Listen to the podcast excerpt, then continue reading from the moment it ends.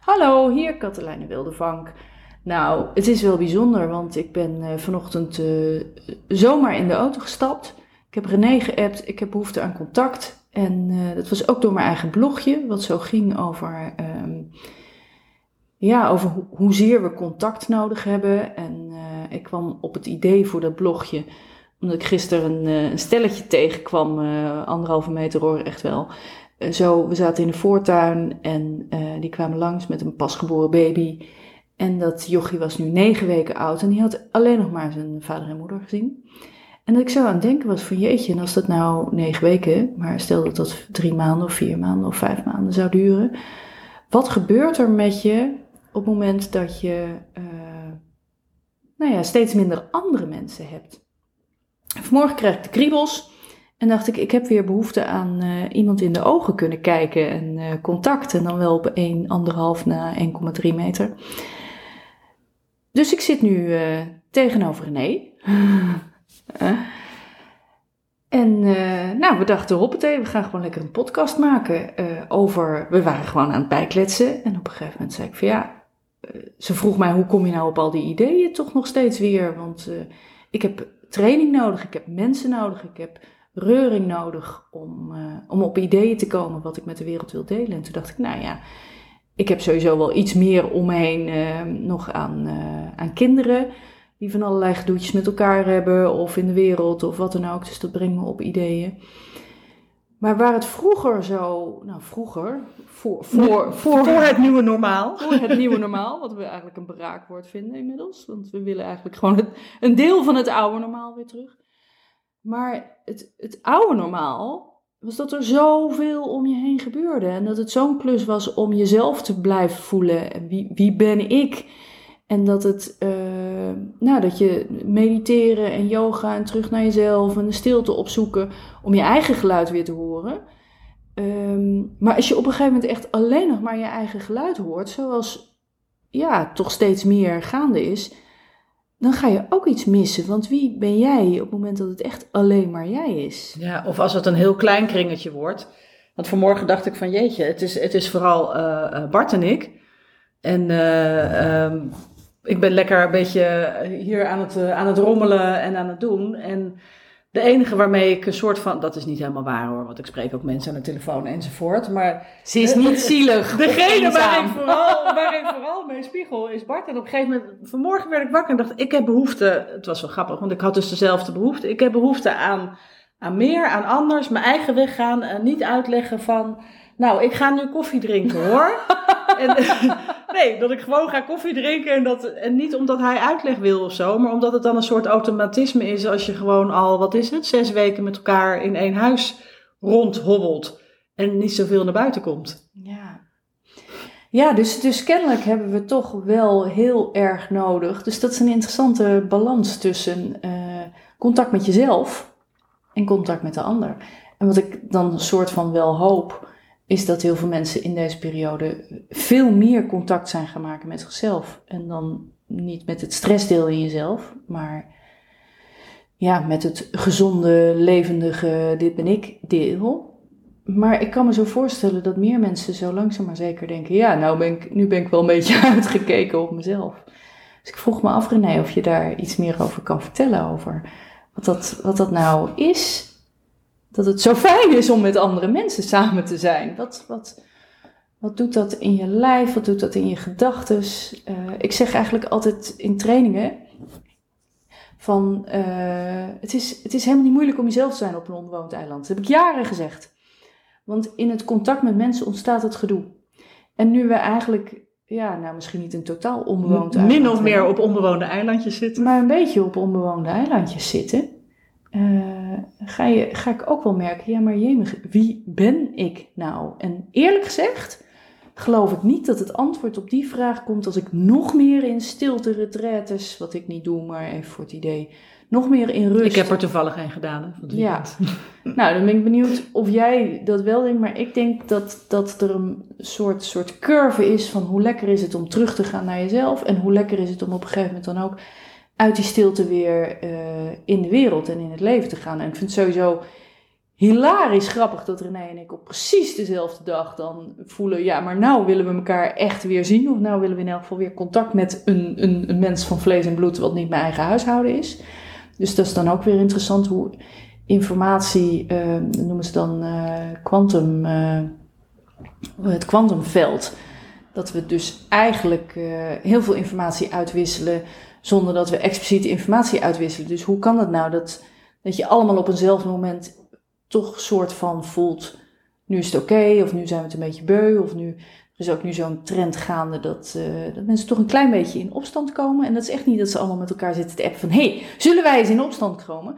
Nee, dat we gewoon met elkaar wel een soort energie voelen van, hey, gaan we nog luisteren? Gaan we uh, zelf kritisch over sommige stukjes nadenken en er een andere mening over hebben?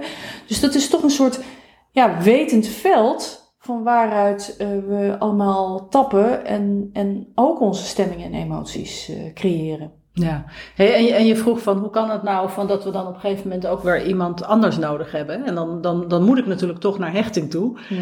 En uh, we zijn zulke sociale wezens, ons hele brein en zenuwstelsel is erop ingericht om in contact te zijn met een ander. En van daaruit ook weer te ontwikkelen en te groeien. Dat gebeurt al vanaf heel klein vanaf babytje ga je al door het contact met papa en mama en vooral met de ogen, de ogen van, van, van mama, als die er is, uh, leren over het leven, over jezelf, over emoties, over hoe het werkt, over uh, uh, als ik nu heel hard huil, word ik inderdaad ontvangen, maar ook later als je kleiner als je peutertje of kleutertje bent, als ik val en ik heb een grote gat in mijn knie, um, is het dan van, nou, hopsakee, klaar. En nu weer verder. Hmm. Dat klonk als een oordeel.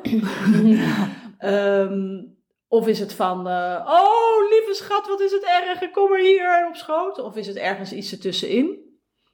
Um, en vervolgens leer je dan al van, hé, hey, de manier van hoe je je eigenlijk verhoudt tot je ouders is de manier waarop je dat uiteindelijk gaat doen. Dus je hebt ze heel hard nodig om steeds weer te kunnen groeien en te ontwikkelen en jezelf te kunnen snappen. Ja, dat is wel grappig wat je nu zegt. En dat hebben we nog steeds. Als, als voorbeeld van uh, hoe er met jou omgegaan is in pijn, hoe er met jou omgegaan is in verdriet. Hoe er, uh, ik merk iets heel kleins. Het is leuk, jullie krijgen echt alles van ons te horen. Hè?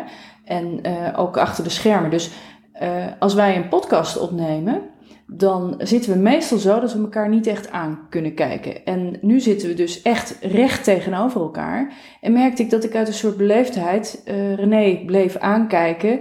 In terwijl ze mij, uh, jullie, whatever, aan, aan het vertellen was.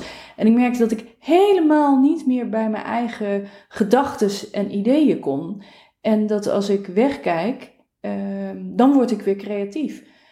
Uh, dus ik dacht, nou weet je, ik ga gewoon nu heel asociaal niet meer lief naar je kijken van, oh wat zeg je mooie dingen. René moet nu keihard lachen. En ik doe gewoon weer even wat voor mij werkt. En dat is gewoon helemaal ergens anders naartoe kijken. En toen voelde ik meteen dat het ook, dan kan je wel lekker NLP zeggen van ja, maar je oogpatronen die verklaren dat je, uh, als je zus en zo kijkt, dat je makkelijker bij het visuele brein komt enzovoort. Maar het heeft ook iets te maken met dat, uh, hoe ik als kleine pup uh, met ideeën kwam. Daar zat de wereld niet op te wachten. Dus dat er iets heel onveiligs in mijn lijf is als ik uh, naar mijn eigen wereld, naar mijn eigen gedachten, naar mijn eigen uh, creativiteit ga. Dat gaat alleen maar als ik alleen ben. Hmm. Ja, dus dat is ook wel grappig, want ik moest net even denken van, er zit ook wel iets heel comfortabels aan deze situatie waarin we nu zitten, met onze eigen eilandjes. Mm -hmm. Uh, omdat het ook een soort van, uh, voor sommige mensen, een soort van heel erg veilig kan voelen. En dat ja. herken ik zelf ook wel. Van nou, ik hoef ook niet zo heel veel. De wereld hoeft niks van mij. Ik, ik, ik hoef niet iets voor de wereld te doen. Ik hoef ze niet in de ogen te kijken. Ik kan gewoon even lekker zo uh, van binnen dabberen. En als het dan gaat over stilte-retretes, en of je dat nou via stilte-retrette doet, of dat jij lekker een wandeling maakt om even tot jezelf te komen of, op, of een grote fietstocht of uh, wat dan ook. Een boek gaat lezen. Of de hele dag lekker onder je dekbed uh, terugtrekt. Zoiets. Whatever. Het is ook een stilte retreat hoor. Ja, en dat het, dat het namelijk ook lekker is om uh, um, te verwerken wat de buitenwereld je allemaal heeft gegeven. En dat het ook een soort van heel veilig is om op jezelf te zijn. Want je hoeft nergens aan te voldoen. Er zijn geen ja. ogen die kijken van, hey, doe je het goed of doe je het niet goed. Als wij hier podcast opnemen En Katelijne kijkt inderdaad meer weg dan ik. Ik kijk dus meer. En dat heeft weer, weer veel meer te maken van... hé, hey, ben ik de goede dingen aan het zeggen, Katelijne? Mhm. Als het ware. Dus dat ik zo ken van... hé, hey, als ik nu hier iets aan het doen ben... Uh, vinden mensen dat wel oké van me? Ja. Dus dat is ook wel lekker Ja, als, als er niet zeker. zoveel is... dat het allemaal wel oké is. Want Ja. ik bepaal het helemaal zelf. Nou, dat, dat vond ik ook heerlijk in het begin. Eh, dat er, dat er, eh, ik had nul stress. En eh, nou, mensen die, die eh, mij eh, kennen, weten dat ik het afgelopen half jaar fysiek, nou jaren al flink wat voor me kiezen heb gekregen. Maar dat ik in oktober echt onderuit gegaan ben en aan de prednison ben begonnen. En het lukte maar niet om prednison af te bouwen. Ik ben in januari begonnen van die 2,5 milligram. Nou, dat is echt helemaal niks meer. Maar zodra ik daaronder ging, dan werd ik een soort junkie, eh, een afkikkende junkie. Dan kreeg ik, eh, moest ik vreselijk huilen en ik kon niet meer slapen en ik klotsende oksels en gedoe. En in die coronatijd, vanaf het allereerste begin, voelde ik, ik kan, dus ik ben nu afgebouwd omdat mijn lijf een bepaalde eh, rust gevonden heeft en een bepaalde stress niet echt nul meer heeft. En prednison heeft natuurlijk heel erg te maken met eh, stress en fight-flight, want dat, dat grijpt in op je cortisol en dat is het stresshormoon. Dus dat zegt eigenlijk tegen je lichaam: eh, gevaar, gevaar. Dus als het gevaarlevel in mijn eigen lijf zo laag is, dan kan ik daar kennelijk kon ik daar een, een, een tegenbeweging aan geven. Dus ik vond het heel erg lekker. En er was dus heel erg weinig stress. En vandaag realiseerde ik me, terwijl ik hier naar, eh, naar Den Haag toe reed, ik heb weer zin in positieve stress. Ik heb weer nodig, ik vind dat het heel mooi, Anja die geeft bij onze training, als zij het heeft over positieve stress, vertelt ze altijd het verhaal over die allereerste keer dat een, een, een ja, is dat een dreumes als je één bent? Nou, die Ja. leeftijd. De allereerste keer dat jij jezelf kan opheffen, dat je kan staan en vlak voordat je weer omkukelt, dat je staat. En de euforie in je lijf, want het is nieuw en het is spannend, maar het lukt. Dat is positieve stress. Dus positieve stress is ook groeien en ontwikkelen. Positieve stress heeft dus niks te maken eigenlijk met stress zoals we dat normaal gesproken opvatten. Dus het heeft niks met de botsingjes met mensen te maken, met de gedachte van, oh jij kan ik het wel en doe ik het wel goed. Eh, want daarvan merk ik ook, zodra ik de wereld weer in ga, hoe makkelijk ik dat allemaal weer, weer denk. Van, oh ze zullen wel vinden dat, of oh ik kan niet, of wil ik wel, of wat. Maar die positieve stress, dus iets, iets doen waarvan je nog niet wist dat je het kon. Of, eh, en dat klinkt meteen weer heel groot, maar ook in kleine dingen. Ik had weer behoefte aan fijne reuring. Nou, bam, hier zit ik. René, jij bent mijn fijne reuring.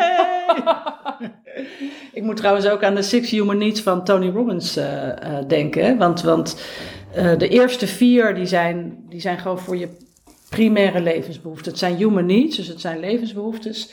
En de eerste vier die heb je gewoon nodig om als mens te kunnen dabberen en te kunnen leveren. En we gaan zo even zeggen welke het zijn. En de laatste twee die zijn er nodig ehm, ja, voor, voor je werkelijke expansie. En, en hij noemt ze de spirituele eh, levensbehoeftes. Maar in ieder geval, dat is groter dan jezelf.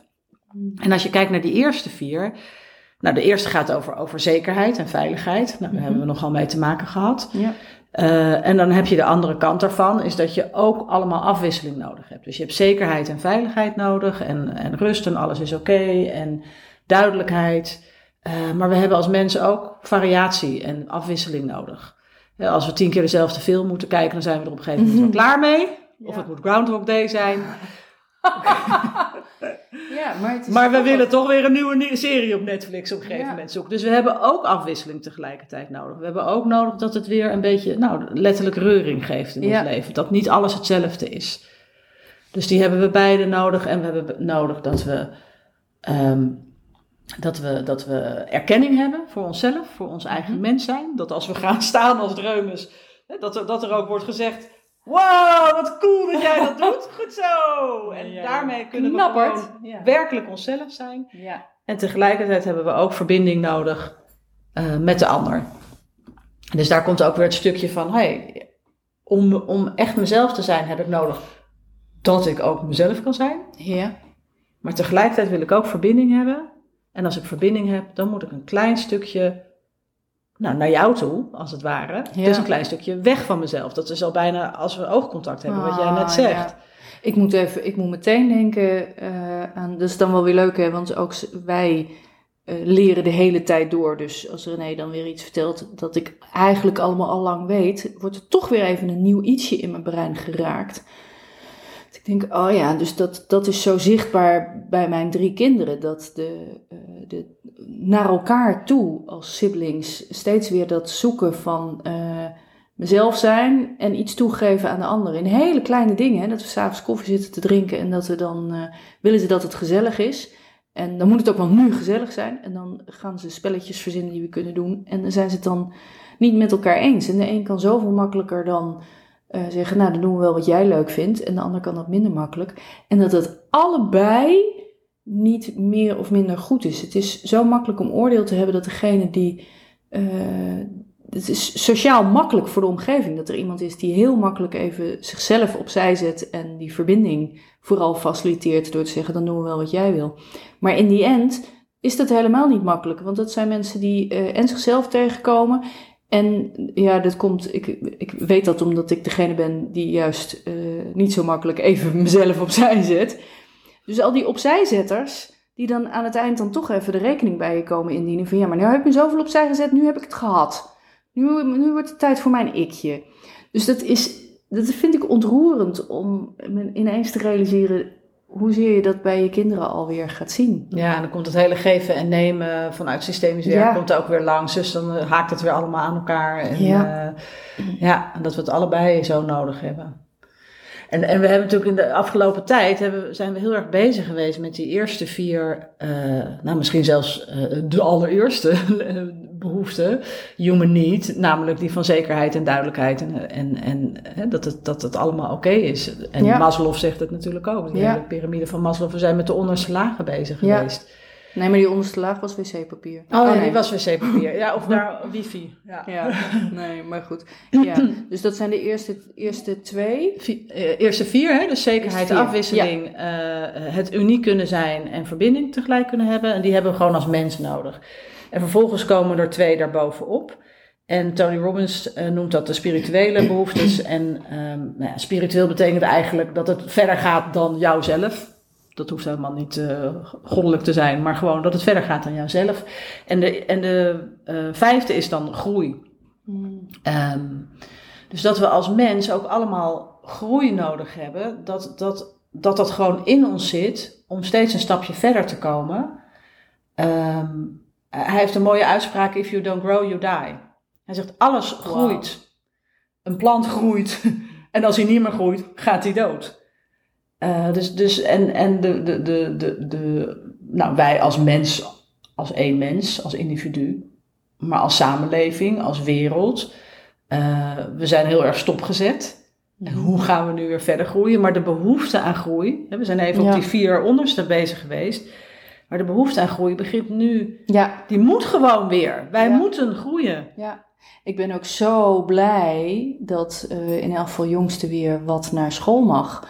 En dat gaat helemaal niet om dat ik wil dat hij dat eh, spelling leert of sommetjes leert. Maar dat ik zie dat er behoefte is aan verbinding. Dat is dan een van die eerste vier. Maar ook behoefte aan weer ontwikkelen. Alleen dan misschien niet primair cognitief ontwikkelen, maar in het contact met de ander ontwikkelen. En dat is ook wel een trend die ik een beetje zie. Ik hoop dat, dat, dat, dat steeds meer mensen in het onderwijs ook voelen van deze periode. Die eerste human needs zijn het belangrijkste. En of je cognitief nou die stappen maakt die er gemaakt hadden moeten worden, so be it. En weer terug naar school is niet om leerachterstanden te voorkomen of uh, even heel rap nu uh, erin te rammen wat er eigenlijk in had moeten zitten uh, in deze twee maanden. Maar om dat verlangen naar groei en verbinding, dat zijn dan wel de twee belangrijkste waar school zo aan voldoet, maar ook sport aan voldoet. Dus het maakt me ook dankbaar dat er weer gesport mag worden. En dat als mijn dochter dan, uh, die weer naar de manege mag, en normaal gesproken gaat hij om 9 uur zaterdag naar de manege en komt om 6 uur pas weer terug en is de hele dag daar aan het dabberen. Wat nu niet kan, dat ik tegen hem zeg, joh, maar meisje, dan ga je gewoon na, want het is nu gewoon binnenkomen, paardrijden, wegwezen. Zegt, dan mag je daarna gewoon met, met je vriendinnen even een ijsje gaan halen. En dat ze dan helemaal opbloeit van dat, dat, dat het contact dus langer mag zijn, de verbinding langer mag zijn dan dat, dat window of opportunity dat vanuit de overheid eh, gesteld wordt van je mag nu even een uur sporten. Ja. En eigenlijk heeft dat nog weer met die eerste vier te maken van dat je vanuit die zekerheid ook weer nieuwe dingen nodig hebt van, van, vanuit je vier primaire uh, levensbehoeftes. Ja. Dat je niet alleen maar zekerheid en duidelijkheid en veiligheid nodig hebt. En nu blijven we met z'n allen gezond. Maar dat we ook nodig hebben dat we weer een mens in de ogen kunnen kijken. Dat we ook die afwisseling weer nodig hebben. Dat we niet alleen maar thuis aan een tafeltje school zitten te doen. Maar, en, en, en, en je hebt het over je kinderen. En wij grote mensenkinderen hebben is het precies hetzelfde. Ja. Dag in dag uit hier aan mijn eettafel achter mijn laptopje. Ik vind het heerlijk dat ik je met Bart. en wat hebben we het goed? Dan denk ik ook wel weer van jeetje. Als het gaat over veiligheid en zekerheid. En, uh, en dat kan ook nog eens een keer anders zijn. Ja. En, uh, maar, en, maar zelfs dus als die vier weer, dan ook alcoholgeschoten mensen hebben we weer nodig dat we kunnen groeien. Dat we kunnen geïnspireerd raken. Dat we van het een het ander kunnen maken. Um, en dat doen we weer allemaal op onze eigen manier. Daar komen we weer even terug op helemaal uh, ons allereerste gesprekje voordat dit ding aanging. Van, van hoe, hoe krijg jij je inspiratie om blogs te maken? Mm -hmm. En ik merk dat ik inspiratie krijg om blogs te maken doordat ik in de wereld ben. Ja. Dan zeg ik niet dat jij niet in de wereld bent, maar... Oh, dan mag je rustig zeggen, want ik vind het helemaal prima om niet zoveel in de wereld te zijn. Maar, ja, maar als ik training krijg, dan, geef, dan heb ik een continue stroom van, van ideeën en dingen te vertellen. En, en de afgelopen tijd dacht ik wel eens van, goh, zou ik nog training kunnen geven? Want dat was een soort, helemaal een soort van... Uh, het zat onder het stof, al die dingen. Ja. ja. Dus het is heerlijk om nu weer gewoon een beetje te ouwe over. Ja. Nou ja, maar dat is natuurlijk, want, want uiteindelijk komen we dus weer bij de WWW uit. De wat werkt wel voor jou. Nou, voor mij werkt heel veel van hoe het nu gaat, werkt. En daardoor, uh, ik moet zeggen, want niet iedereen die dit luistert volgt mijn blogs ook. Maar ik ben gewoon bij dag nul begonnen met bloggen. En ik ergens rond dag 30 ook wel dacht, jezus, waar ga ik nou morgen weer over schrijven? Maar dat punt ben ik volkomen voorbij. Ik heb echt elke dag wel drie, vier verhaallijnen in mijn hoofd. Ik denk, oh, daar ga ik morgen over bloggen. En dan ga ik s morgen zitten en dan uh, zie ik wel wat er dan uh, uit mijn uh, pen slash toetsportje rolt. Dus voor mij zit er veel wat werkt wel in hoe het nu is. En mag er een kleine aanvulling bij. omdat het, dat ik toch iets aan reuring mis. Maar voor mij is dat niet heel veel ik kan me voorstellen dat er ook een heleboel mensen zijn die WWW's hebben die dus gewoon heel erg lastig te realiseren zijn. Zoals René, jouw WWW zit ook in gewoon lekker met groepen werken, uh, inspireren en daardoor geïnspireerd worden. Uh, ja, dan, dan is het een klus om andere WWW'tjes te gaan vinden voor de time being. Ja, en wat weer wel leuk is, daar moet ik ook aan denken is dat we ook wel weer nieuwe WWW's hebben ontdekt in deze periode. Dat, dat, dat, dat, dat, vind ik dan ook wel weer mooi. Ja. Want, want we hebben het even over stilte en je op jezelf zijn en al die dingen. En um, ik ben wel van oudsher iemand die heel erg de buitenwereld ingaat, heel erg in de actie komt, heel erg doet. Heel erg met mensen. En um, dat heb ik wel al de afgelopen jaren geleerd. Dat dat ook anders kan en dat me dat ook wat opbrengt. Maar dat heeft deze periode me ook wel weer opgebracht. Ja. ja dat ik blijkbaar me ook heel goed kan voelen met een dag helemaal niemand zien. Ja. Behalve Bart dan. Ja. ja. Nou, en ik heb ook wel uh, een hele grote les uh, geleerd. Want uh, vroeger was het zo dat nou, na de kerstvakantie was ik ze allemaal helemaal beu en knikkerde ik ze eruit. Van ga jij maar weer naar school en moet jij niet werken? Dus bij het begin van de lockdown dacht ik, oh my god, hoe ga ik dat in vredesnaam doen? De hele dag mensen om me heen. En uh, nou, hoe lekker is het om te ontdekken dat we als gezin zo lang het zo goed met elkaar kunnen hebben. En uh, ik denk dat mijn kinderen ook gewoon geleerd hebben om veel. Want vroeger, als de zondag te saai was, dan begon ik al de animatiemachine aan te zetten. Van uh, zullen we naar de bioscoop? Of zullen we maar even een ijsje gaan halen? Of zullen we dit? Zullen we dat? Nou, dat kan allemaal nu niet. Dus uh, ik denk dat zij er ook heel veel van geleerd hebben, maar dat horen we later wel. Voor nu vind ik het heel erg fijn dat de wereld uh, weer wat luikjes open is gaan zetten. En ik ben ervan overtuigd dat nog steeds de kern ook van deze podcast en van alles steeds weer is: ontdek je WWW, wat werkt wel voor jou. En dat klinkt weer zo makkelijk. En natuurlijk heb je daar ook kennis voor nodig, zoals nu uh, de Six Human Needs. En en, en hoe, hoe dan dat dan werkt met contact en verbinding. Zodat je, als je eenmaal snapt hoe het werkt, ook keuzes kan maken van ben ik ook al weer toe aan wat meer reuring en uitdaging? Of wil ik juist eerst nog weer eens even die veiligheid, die rust en dat contact met mezelf wat meer voelen? Ik heb intussen, want ik heb gewoon een tijdje René weer lekker niet aangekeken, alweer nieuwe ideeën voor de volgende podcast. Ja, maar ik heb nog wel de, de zesde, hè, want misschien dat mensen de zesde nog wel willen weten. Wat denk je? of laten we die gewoon weg?